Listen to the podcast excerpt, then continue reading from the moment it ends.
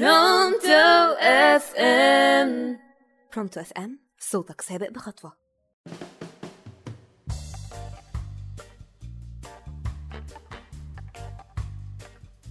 يا مساء الخير عليكم مستمعينا مستمعي راديو برونتو أنا منى ناصر في برنامج فك ال block.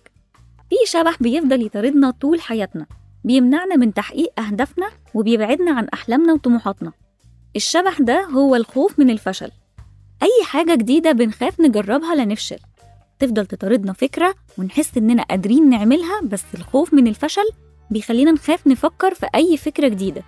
بيمنعنا من الإبداع والابتكار والاختلاف والتغيير والتميز. لو بصينا شوية لأي شخص ناجح قدر يحقق أهدافه ويوصل لطموحه هنلاقي إن أول حاجة عملها هي إنه قدر يتغلب على خوفه من الفشل. زي مثلا جيف بيزوس مخترع أمازون. الفكرة جت في دماغه ما خافش إنه يجرب برغم كل الصعوبات اللي شافها. ما كانش معاه ساعتها غير مية ألف دولار بس. استلف واتداين وخد فلوس من كل الناس اللي حواليه. وما كانش سهل أبدا إنه يقنع كبار المستثمرين باستثمار مليون دولار في شركة في مجال جديد وحاجة أول مرة يسمعوا عنها. كان محتاج يقنع 60 مستثمر إن كل واحد يموله بخمسين ألف دولار. كان بيقول مرت عليا أوقات كان ممكن الشركة تتلاشى من قبل ما تبدأ أعمالها. كانت ثقة المستثمرين بإمكانيات شبكة الإنترنت وقتها ضعيفة جدا وكان الكل متوقع فشلها. والشركة اللي الكل راهن على فشلها كانت سبب في تحويل جيف بيزوس لأغنى راجل في العالم حاليا. وهننتقل دلوقتي من قصة نجاح أمازون لقصة نجاح شركة أوبر.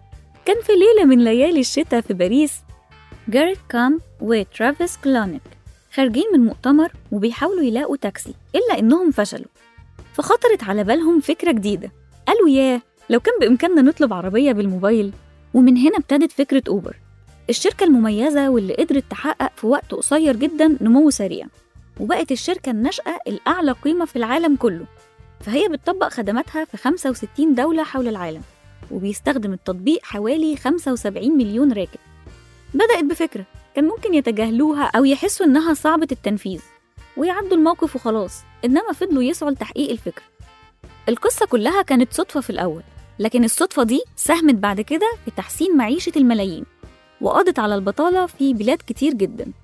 وبنلاقي هنا في مصر ثلاث شباب حاولوا يعملوا فكرة شبهها وهي application سويفل مصطفى قنديل ومحمود نوح وأحمد صباح. قرروا وهم عندهم 24 سنة الاستقالة من شغلهم. ويبتدوا الاستثمار الخاص بيهم. طبعا كان قرار مش سهل وجريء جدا. ونجحت الفكرة. وقدرت الشركة إنها تجمع 9 مليون دولار بعد سنة واحدة بس من التأسيس. وبعد كده اتوسعت أعمال الشركة وبقت تشمل 10 دول. ولو رجعنا بالزمن شوية لتشارلز درو مخترع بنك الدم جات له فكرة الاحتفاظ بالدم وكتبها في ورقة لكن خاف يطلعها للنور. خاف الناس تنتقده أو يسخروا من الفكرة. فخد الورقة وحطها في الدرج لمدة ست شهور. لحد ما دكتور زميله شافها بالصدفة وقال له إزاي ما تطلعش فكرتك دي للنور؟ وفضل يشجعه. وبالفعل اتطبقت الفكرة وكانت سبب في إنقاذ حياة ناس كتير جدا. وتوفى بعدها بشهرين بس.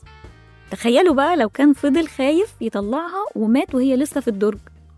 ده بقى ياخدنا لكتاب اسمه موت فارغا لتود هنري. واللي بيقول لنا فيه طلع كل اللي جواك قبل ما تموت. ما تموتش وانت لسه جواك حاجة انت ما طلعتهاش. كل دي كانت نماذج لأفكار جديدة وقتها كانت مختلفة. لو كانوا خافوا يطلعوها للنور كنا فضلنا زي ما إحنا. لما تيجي في دماغنا فكرة ما نخافش ونبدأ نحاول نطبقها. كل نجاح كانت بدايته فكرة. ما تخافش من الفشل واعتبره جزء من منظومة النجاح.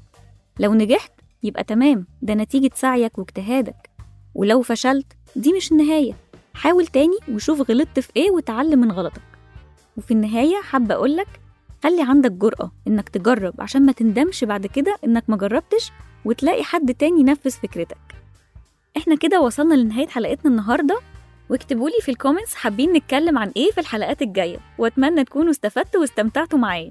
واستنوني في موسم جديد من برنامجكم فك البلوك.